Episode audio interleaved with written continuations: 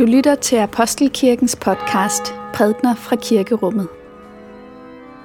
Find mere information på apostelkirken.dk.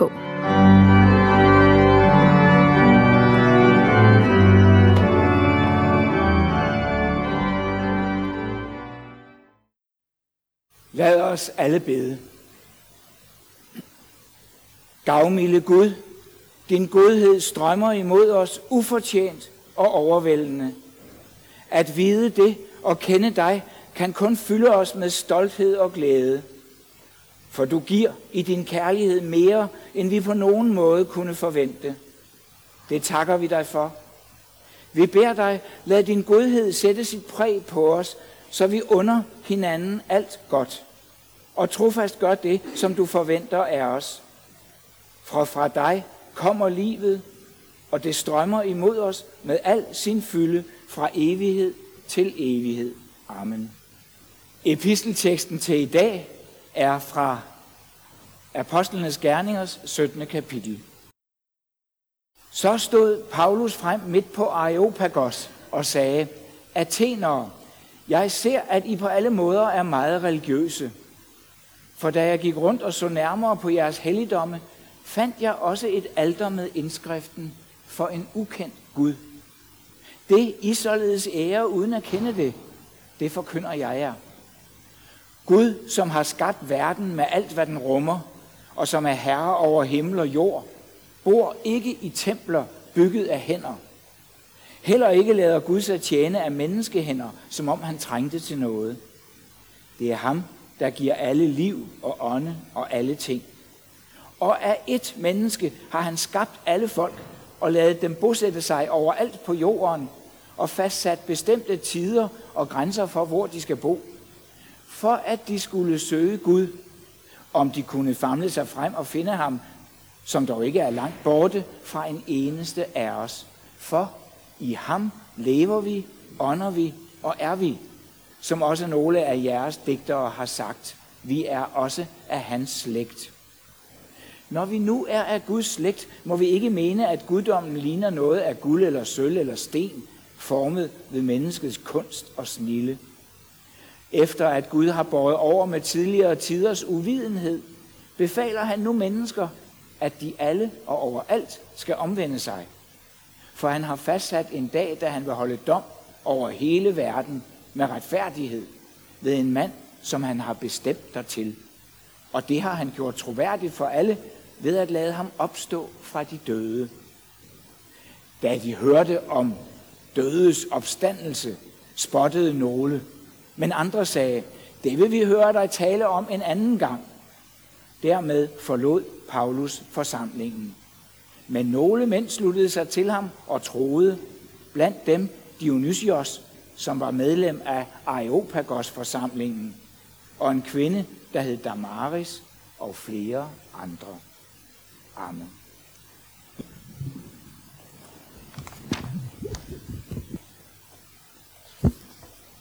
Kære Apostelkirkens menighed, kære Thomas Frovi Mosgaard Christensen. Det er mig en stor glæde i dag at indsætte dig som præst i menigheden her i kirken. Og så til med være forpligtet til at læse præcis den berømte tale, vi lige har hørt, som Paulus holdt på torvet Areopagos i Athen. Det kan jo af flere grunde ikke passe bedre. For dels kommer du lige fra en ansættelse i Areopagos, en missionsorganisation, der har taget navn præcis efter denne her tale. Og dels udøver Paulus med den tale en missionsvirksomhed, som i sin fremgangsmåde og sit indhold passer som hånd til handske til jer her i menigheden. Man kunne kalde Paulus' tilgang for kontekstuel kristuscentreret. Det vil jeg gerne forklare. Paulus opholder sig midt i den pulserende storby Athen og stiller sig op på torvet for at tale med de stedeværende om deres gudsforhold, som han roser meget. Athenere, jeg ser, at I på alle måder er meget religiøse, for da jeg gik rundt og så nærmere på jeres helligdomme, fandt jeg også et alter med indskriften for en ukendt Gud. Det I således ære, uden at kende det, det forkynder jeg. Sådan er det også vores opgave, Thomas, her i vores storby, at komme i dialog med vores medborgere om den religiøsitet eller gudstro, de indeholder i forvejen, og så knytte til ved den, når vi vil forklare, hvad kristen tro handler om.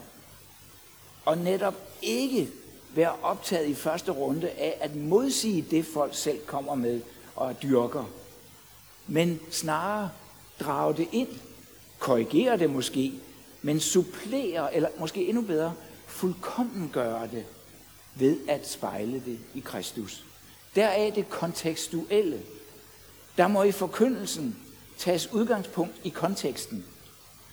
Og den kendskærning, at Gud findes for mennesker allerede. I ham lever vi, ånder vi og er vi, siger Paulus, min sanden, til athenerne allerede. Så alt det, der optager os i vores liv sammen, vores kamp for at finde mening i eksistensen, vores søgen efter værdier i karrieren, i familielivet, alt det, der har betydning for vores tro, det skal drages med ind og så spejles i fortællingen om Kristus.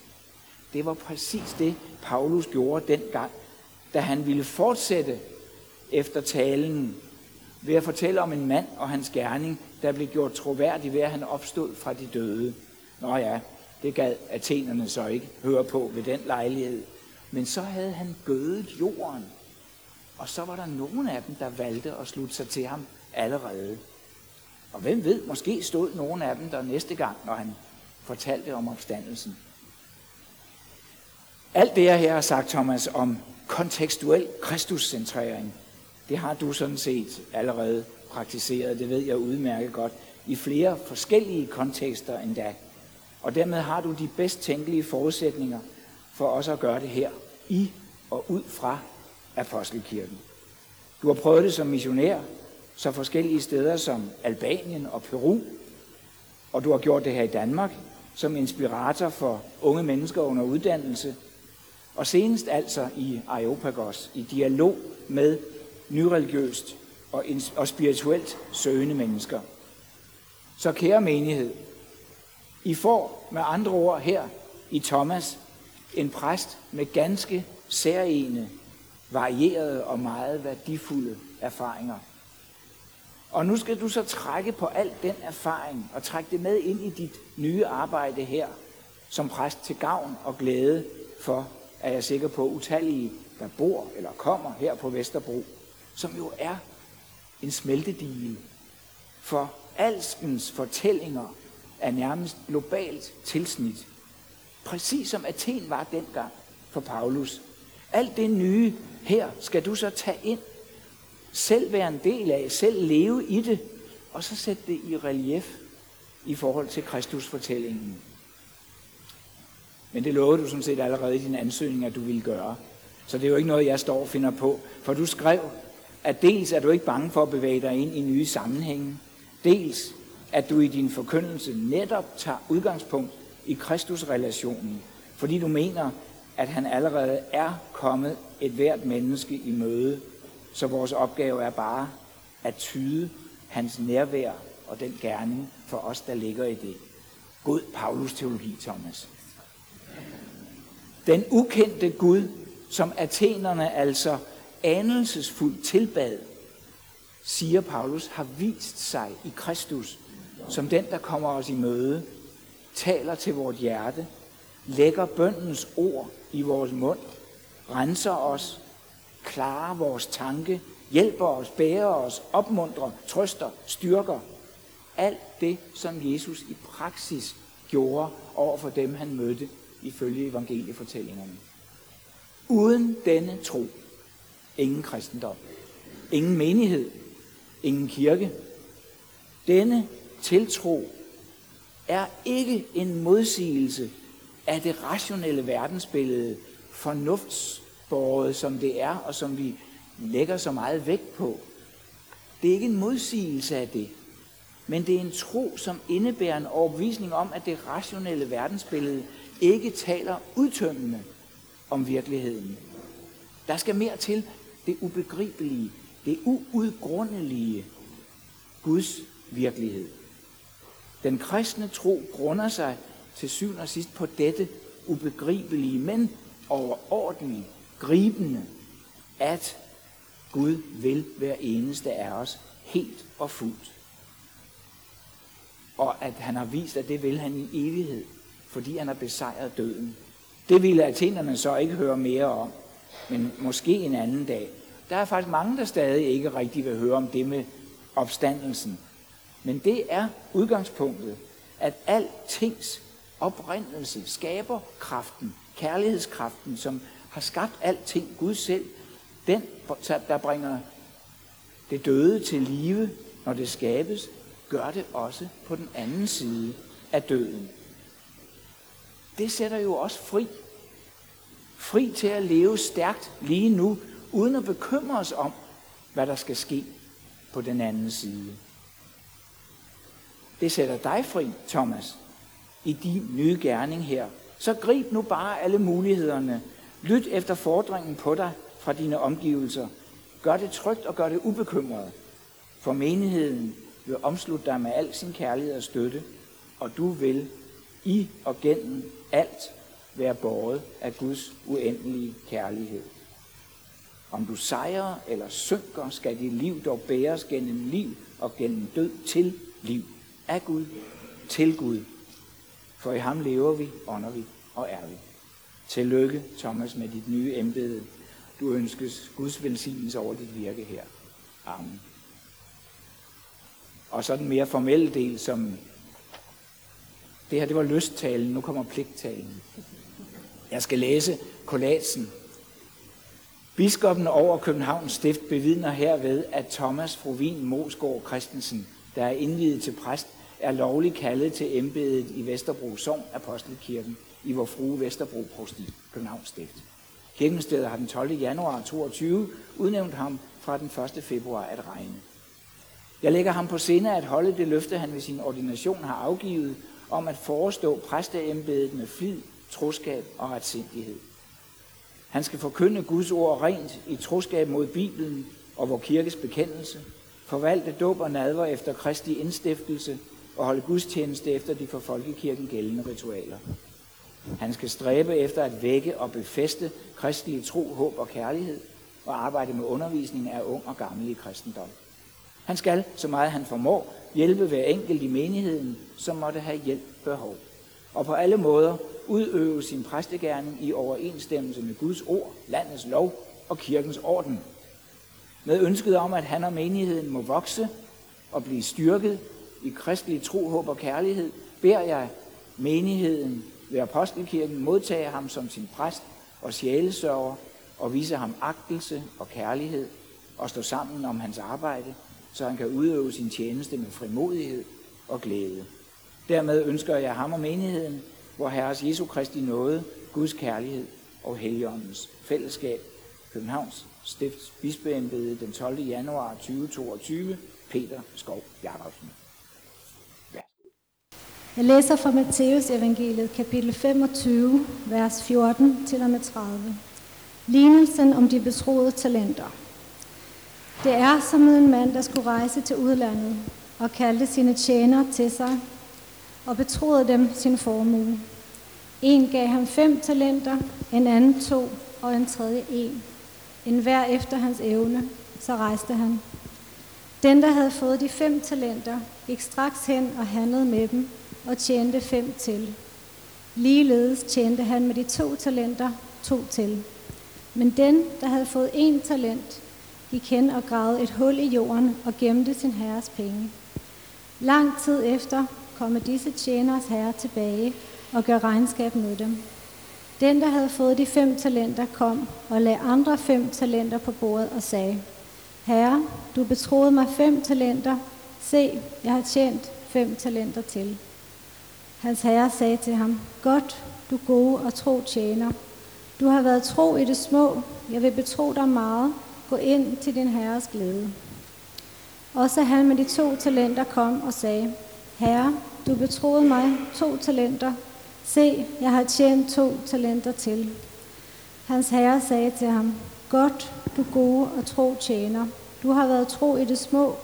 jeg vil betro dig meget. Gå ind til din herres glæde. Så kom også han, som havde fået den ene talent, og han sagde, Herre, jeg kender dig som en hård mand, der høster, hvor du ikke har sået, og samler, hvor du ikke har spredt. Og af frygt for dig gik jeg hen og gemte din talent i jorden. Se, her har du, hvad dit er.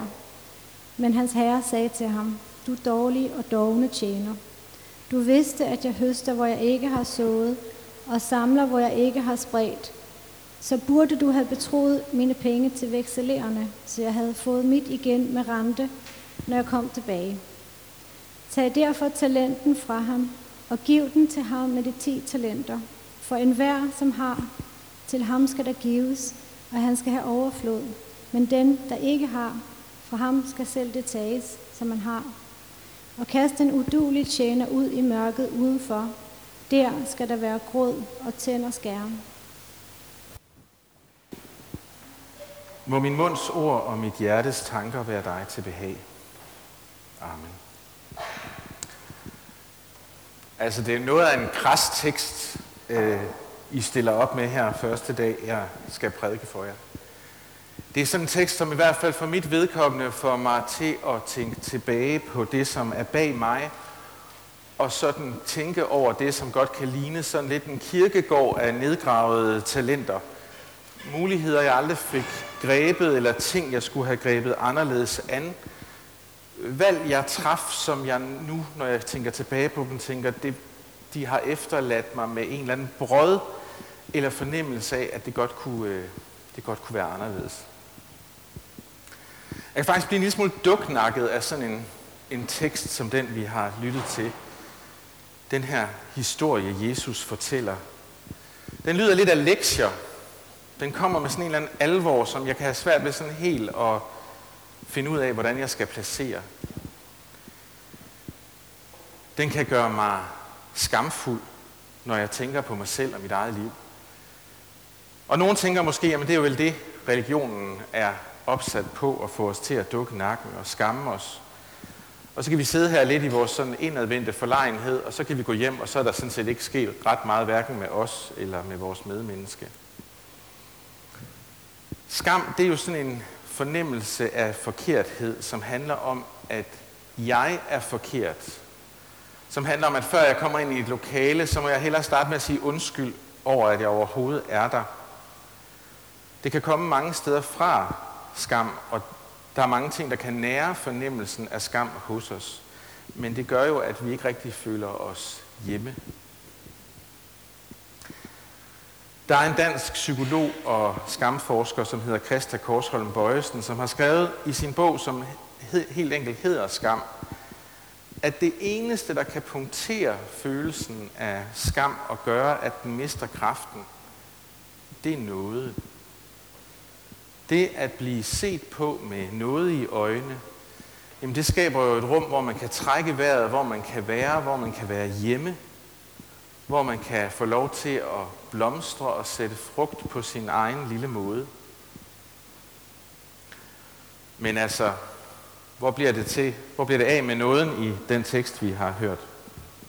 Jeg tror jo faktisk, at den er der, selvom vi måske skal lige kigge lidt efter for at finde den frem. Jeg tror, den ligger der som en helt grundlæggende indstilling, som handler om, hvordan Jesus ser på mennesket. Det handler om Jesu menneskesyn. Og nåden er der i teksten. Måske også sådan lige på kanten af teksten, så den efterlader os lidt, i hvert fald mig, med en længsel efter noget. At det ikke bare slutter der, hvor lignelsen slutter. Den herre, som øh, Jesus taler om i sin, i sin lignelse, det er jo en herre, som ønsker at være i en relation til sine tjenere. Der skal ikke bare være sådan et eller andet mekanisk forhold, hvor han giver en opgave, de løser. Nej, han ser jo, at de tjenere, han har med at gøre, de er forskellige. Han forholder sig til deres forskellighed, ikke som en begrænsning, men som en mulighed. Og jeg tror, at nøgleordet i, i teksten, det er det her med, at de blev at Herren betroede dem efter evne. Han betror sine værdier til sine tjenere. Og jeg tænker, at det er det der ord med at være betroet, der finder vi et nådefuldt billede af mennesket som et, der er skabt med muligheder. Og måske kan det lyde underligt at sige, at dagens tekst handler om noget, men jeg tror, der er noget i det der med at blive set og blive stolet på, som afslører noget helt grundlæggende om det blik, der falder fra Herren på menneskerne, og det blik, der falder fra Gud på os. Og så kan det godt være, at jeg sidder og tænker, åh nej, når jeg hører lignelsen, men, men den handler måske i virkeligheden mere om den, der stoler på, end den handler om den, der bliver stolet på. Og jeg skal ikke tro, at det alt sammen handler om mig nødvendigvis. I 2015 så var der en øh, dansk journalist, Charlotte Rørt, som udgav en meget omtalt bog, som hed Jeg mødte Jesus. Den handlede ikke om et, men om flere møder, hun havde haft med Jesus i et kapel i Nordspanien, i Ubeda. Og det blev for Charlotte Rørt nogle helt afgørende, jeg tør godt sige livsomvæltende møder, hun fik med Jesus. Indtil da var hun nok ikke et menneske, som sådan havde løbet kirken over ende, men pludselig stod han der. Hun havde ikke inviteret ham, men hun så ham, og han talte til hende. Og en af de ting, Jesus han sagde til Charlotte ved et af deres møder, det var det, som står på forsiden af folderen i dag, nemlig, jeg stoler på dig. Og da hun skrev om det i sin bog, så var der flere, der tænkte, ej, det, det er altså ikke sådan noget, det er da ikke det, Jesus siger. Altså, og der slet ikke måske til sådan et menneske, som ikke har sådan slidt på kirkebænkene og rent ham på dørene. Og det er da også rigtigt, vi kan ikke finde replikken i, i skriften på den her måde, at Jesus siger, jeg stoler på dig. Og så alligevel er der jo en ansats til det i teksten i dag, i det, som Herren siger til sine tjenere, i det, som Jesus lader Herren udtrykke.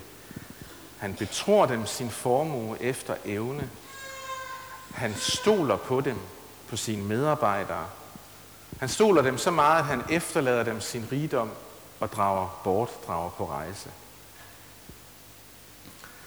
Jeg stoler på dig, sagde Jesus til Charlotte der i Spanien, og det forandrede hende det her møde.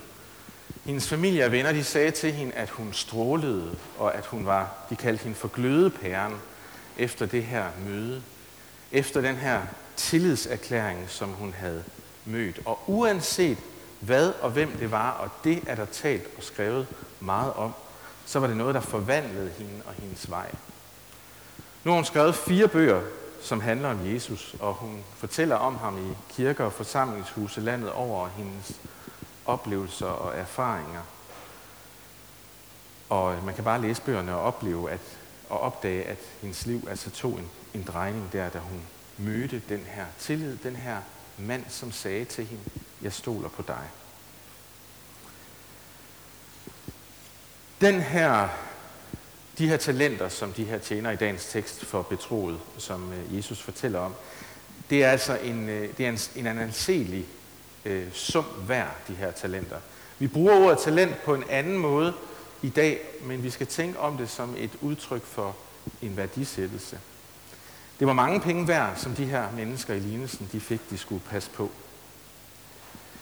Der var tre trænere. De fik tre forskellige opgaver, fordi de var tre forskellige mennesker.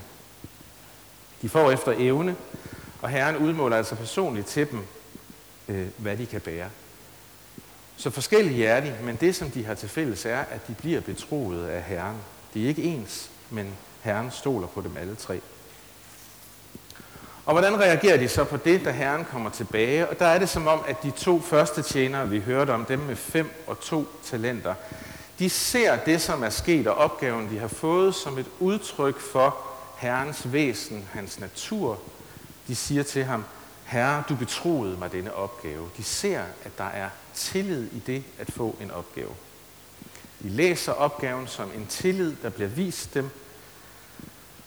Måske kendte de deres herre godt, Måske var det derfor, de tolkede det, som skete positivt, som et udtryk for en positiv forventning til dem fra Herrens side. De hørte, at det Herren jo faktisk sagde var, at jeg stoler på dig, da han gav dem de her fem og to talenter. Jeg kan se, at du passer på det, jeg giver dig. Jeg har set, at du er en, der omsætter de gaver, som du har, og bringer dem i spil og gør dem levende. Og jeg ser, at du vil gøre dit yderste med det, jeg har betroet dig. Det var det, de hørte ham sige til dem, da de fik opgaven. Og så er der jo så den tredje tjener, som ikke synes helt at kunne se det samme i den opgave, som Herren stiller ham. Han har ikke en oplevelse af, at der er tale om at blive vist en tillid. Jeg synes, han virker sådan fuld af frygt. Måske er han også skamfuld over, over det.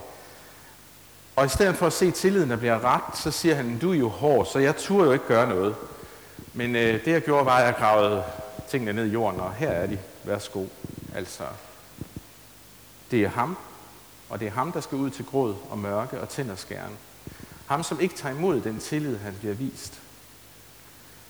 Det er ham, der forventer hårdhed fra sin herre, som møder hårdhed. Måske er det frygten eller skammen, der gjorde ham blind for, hvad der egentlig lå i den opgave, som Herren gav ham. Hvordan tænker vi selv over de ting, som vi har fået betroet i vores liv? Det er et godt spørgsmål at tage med sig. I kirkeårets store fortælling, der er vi på vej ind i fasten, som kommer lige om lidt. Og fasten har jo sine tekster og sin tradition, som lægger op til, at vi kigger på vores liv, og at vi sådan grunder på, om der er noget, vi skal vælge til eller give plads i vores liv på en anden måde, end vi ellers gør. Det er sådan en tid til at stanse op og sådan lige smage på tingene, fordybe sig lidt. Men vi er ikke helt i ved fasten endnu. Og jeg tror, at den tekst, som vi har fået i dag, er en tekst, der skal minde, om det, og minde os om det udgangspunkt, som vi må gå ind i fasten med. Fasten, som jo leder frem til påskens begivenheder. Nemlig, at alt det, som vi har fået, det er hyldet ind i Guds tillidsfulde, nådefulde syn på, hvem vi er. At det, han har givet os af evner og af muligheder og ansvar og opgaver, det er værdifuldt, fordi han har pakket det ind i sin egen tillid til os. Og ved I hvad, det er jo også det, han gør, når han giver os det allermest dyrebare, nemlig sig selv. Den Gud, som vi bekender troen på her i kirken, det er en Gud, som rækker ud til os for at vise os, hvem han er. Det er en, som ved, at han skal vække vores tillid. Hvis han skal vække vores tillid og vores tro, jamen, så skal han være tillidsvækkende. Han skal være vækkende. Og så må den måde, han agerer på over for os, afspejle det syn, han har på mennesket, som værdigt til at møde tillid og til at bære ansvar. Og det lyder meget fint, men vi slutter jo altså med mørke og gråd og tænderskærne. Og hvad vil Jesus med det? Hvorfor siger han det? Vi kommer ikke ud over den alvor, der er i teksten. Nej, det gør vi ikke. Alvor kommer vi ikke udenom. Det er i hvert fald sjældent. Synd og død og helvedes fare, det vi kommer til kort, det kommer vi ikke udenom. Men det var jo netop det, den tredje tjener forsøgte at komme udenom. Han prøvede at hoppe over der, hvor der slet ikke noget gære var. Han forsøgte at undslå sig virkeligheden, som var hans egen svigt eller mislykkethed. Problemet var jo slet ikke ham. Problemet var den her tillid, den her herre, som jo i virkeligheden var hård. Og han forsøgte at parlamentere med herren og forklare ham, at det alt sammen i virkeligheden var herrens egen skyld. Hvad vil, der, hvad vil der være sket, hvis den her tredje tjener, i stedet for at have stillet med sådan et trodsigt, dumsmart hjerte, måske præget af frygt og skam og alt muligt, vi ikke helt kan, kan se. Hvad nu, hvis han havde været ærlig om sit svigt og sagt, ved du hvad, herre, jeg anede ikke, hvad jeg skulle gøre. Og jeg blev bange, og jeg gik hjem, og jeg gravede talenten ned i jorden, og det er det dummeste, jeg nogensinde har gjort i hele verden. Hvad ville der være sket, hvis han havde sagt det? Gud, som kender vores hjerter, han kender jo lige præcis den der kirkegårde af nedgravede talenter, som er bag, bag os. Både dem, vi har glemt, og dem, vi husker. Alle de gange, han har lagt gode gerninger til rette for os, og så spangulerede vi udenom eller trådte i spinaten. Alle de gange, han stillede os foran livet og havde tanker om fremtid og håb, og vi vendte ryggen til, fordi det ville vi ikke lige den dag. Alt det kender han jo udmærket til i vores liv. Og det hjælper ikke at lade som om, at øh, sådan er det ikke. Eller det er ham, der dybest set grundlæggende har problemet. For han giver jo efter evne, som Jesus siger. Det er bare tit sådan, at vores evne, den knækker sådan lidt på halvvejen, møder en, en vilje, som er lidt forkølet, og så rammer vi ved siden af. Og så står man der, og så kan man ikke gøre så meget andet end at give op. Og i virkeligheden er det måske det allervigtigste, vi nogensinde kan gøre over for Gud. Det er at give op. Og selv der, hvor vi giver op, der tror jeg, at Jesus vil møde os med et, jeg stoler på dig. Han stoler på, at vi lige om lidt, når vi har taget imod dagens festmåltid, som er nadvånd, hvor vi skal, som består af liv og brød og vin og forladelse og tilgivelse, der stoler han på, at så godt som vi kan, så vil vi tage det med os ud i søndagen, i mandagen, i tirsdagen og omsætte det og gøre det til liv for os selv og til andre. At det vi får her, det bliver en gave, som vi pakker ud i fællesskab med hinanden, og som vi tør give af til andre. Og han stoler på, at når vi går herud fra gudstjenesten i dag, fri i hans nåde og bundet i kærlighed til ham og til vores næste, så gør vi det så godt vi kan. Og når vi så deler ud af det, vi har fået, så kan det være, at vi netop vil erfare, at ja, til den, som har blevet givet meget, ja, hun skal modtage endnu mere. Og meningen er i så rigt, at vi skal have i så rigt mål, at talenterne strømmer over, og vi kan dele ud af, af dem, og at når vi giver, så skal vi opdage, at krukken aldrig bliver tør. Og når så vi alligevel måske en gang imellem synes, at den krukke bliver lidt tom og lidt tør, og når så vi stopper op og kommer til at kigge på os selv og alle de muligheder, vi missede, jamen så må vi bare sige på gensyn igen her næste søndag. Her mødes de mislykkede søndere igen for at finde liv og mod, for at høre det helt afgørende radikale, at Gud er god. Hans nåde var evindelig. Han stoler på dig. Lov og tak og evig ære være dig, hvor Gud, Far, Søn og Helligånd. Du som var, er og bliver en sand treenig Gud, højlovet for første begyndelse, nu og i al evighed. Amen.